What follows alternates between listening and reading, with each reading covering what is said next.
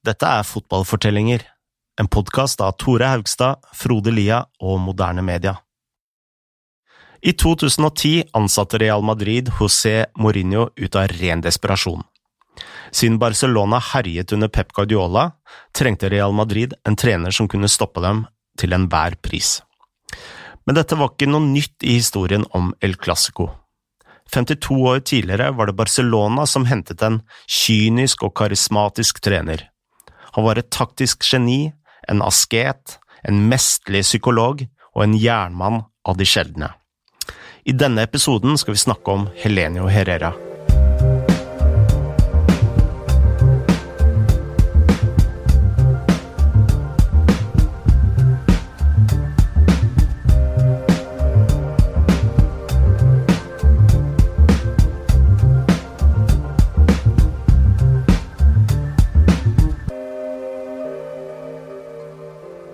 Tore, både Real Madrid og Barcelona liker å tenke på at eh, de følger visse prinsipper. Mm. Real Madrid skal oppføre seg med en eh, type klasse og ærverdighet. Barcelona skal alltid ha ballen mest. Ja.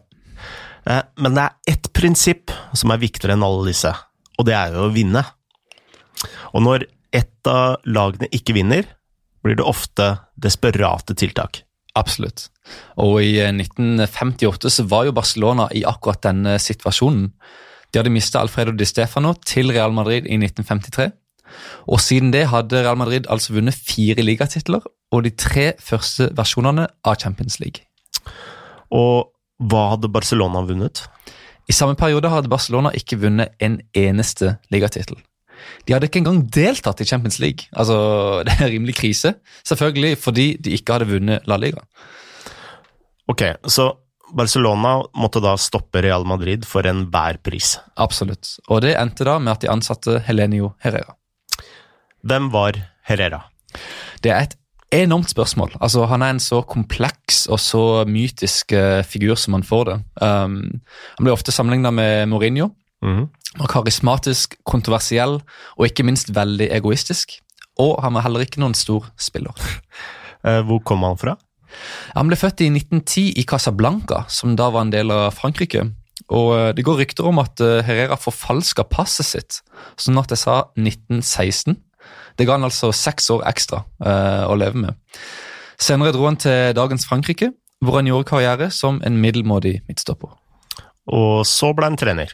Ja, Han sa jo at uh, siden han var en dårlig spiller, så hadde han liksom egenskapen til å forstå de som ikke hadde uh, så gode ferdigheter. Og uh, Han begynte i Frankrike og dro senere da til Atletico Madrid. Og Det var der han vant tittelen i 1950 og 1951. Mange kjenner jo Herrera som mannen bak Catenaccio.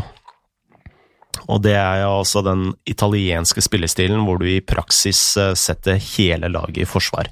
Ja, og uh, Catenaccio skulle jo bli Herrera sitt varemerke, om du vil. Um, men uh, dette var noe han først og fremst utvikla i Inter, hvor han skulle jobbe senere på 60-tallet, mm. og, og ikke, ikke i Barcelona.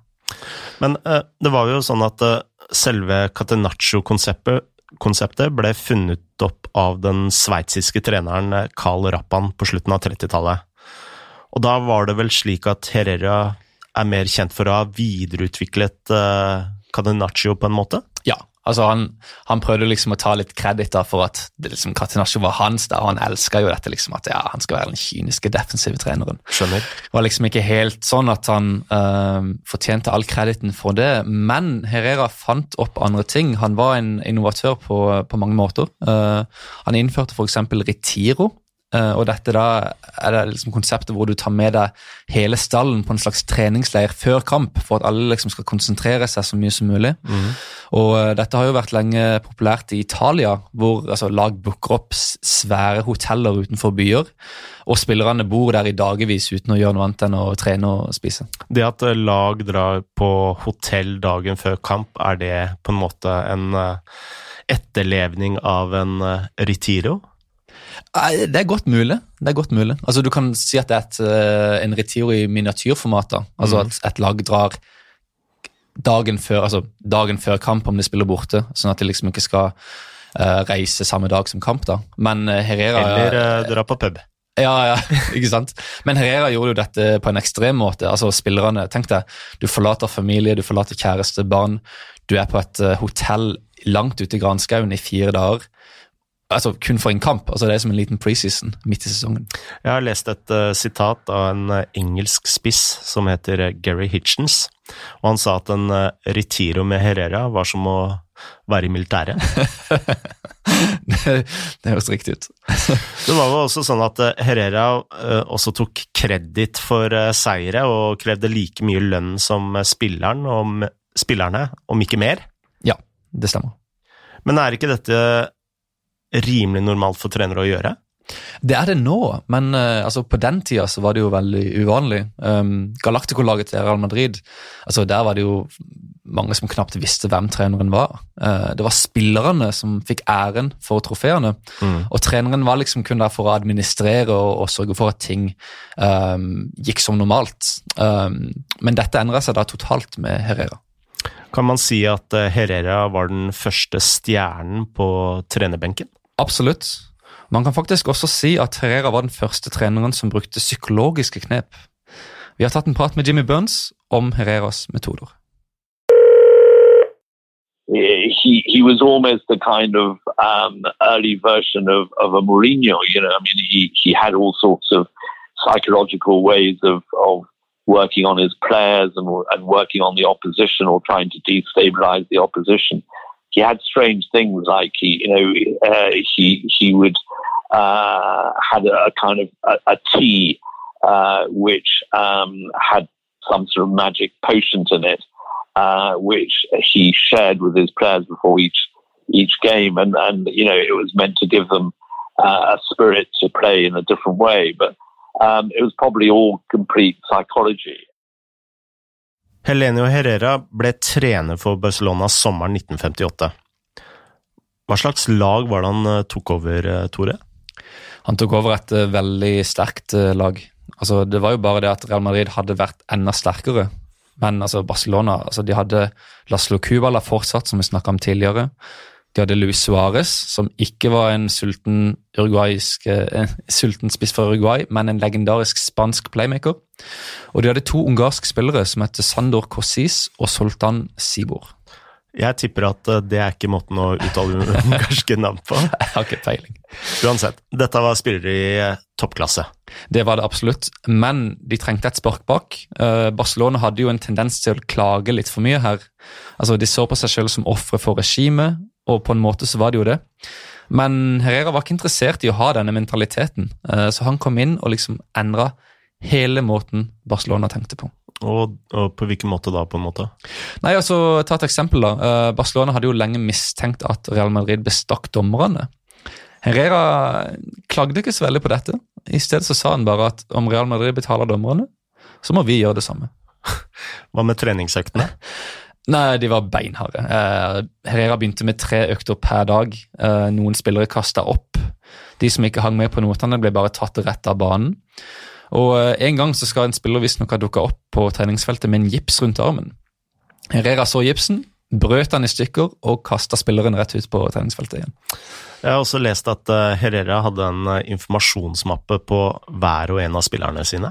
Ja, han visste alt om dem. Um, han visste f.eks. at uh, Luis Suárez var overtroisk. Um, Suárez trodde at om vin ble sølt før kampen, mm. så kom han til å skåre.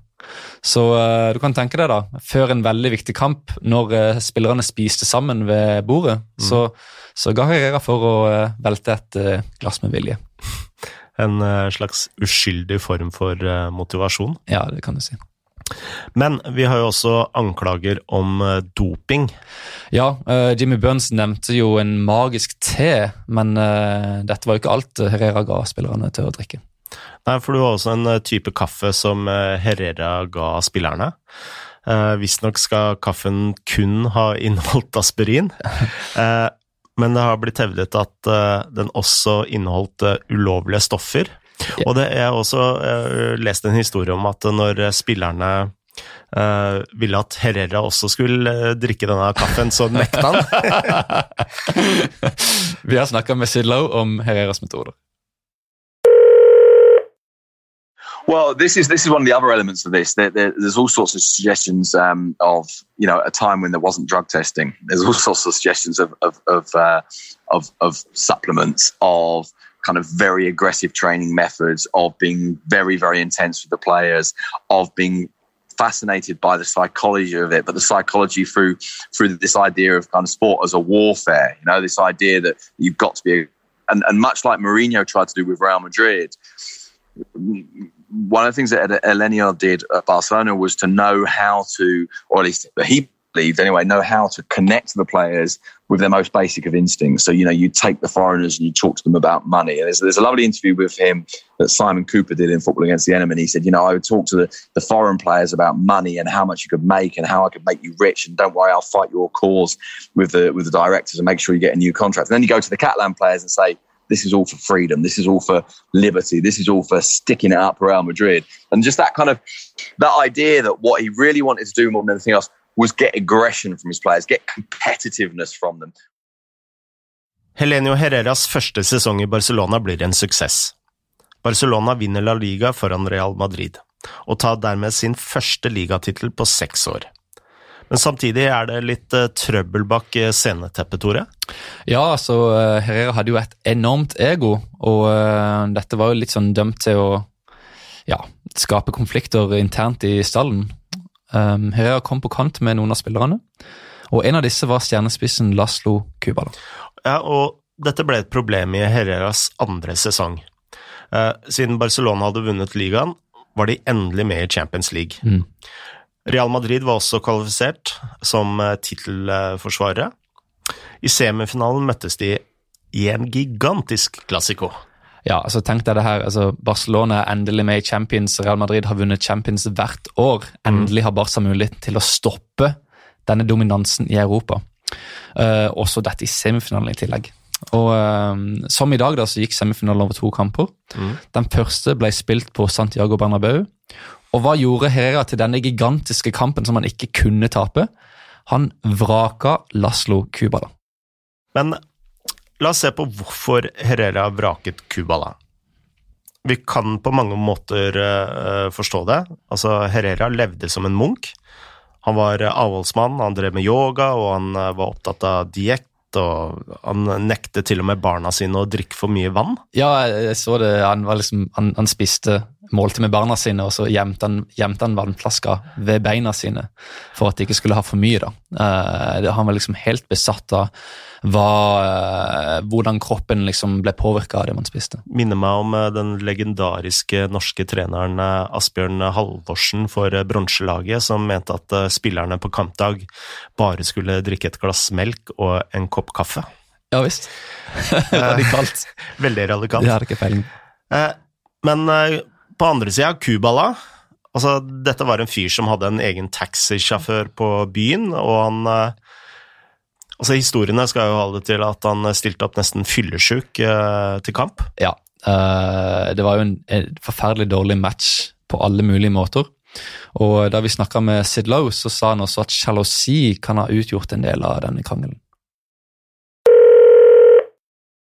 One of the things that happened, of course, Kubala was the was the star player, and and you know it may well be that from from our modern perspective, we we we perhaps don't appreciate that Kubala was considered to be the best player in the world at the time. Now, whether or not he was, of course, we could argue this forever, but but you know he was the star player until Di Stefano turned up, and even while Di Stefano was at Madrid for a couple of for the first couple of years at least, they were the two star players, and and Kubala's um, status was was largely untouchable, and that's one of the things that Elenio Herrera didn't like. And he believed that Kubala was on the way down. He believed that Kubala wasn't professional enough. He believed that Kubala wasn't aggressive enough, wasn't enough of a competitor, and that he had to try and challenge that, and he had to try and prevent that. But he also believed that Kubala was too protected by the press, and there are even some parallels to Luis van Gaal here with the way that he dealt with, in particular, Rivaldo, but one or two others as well.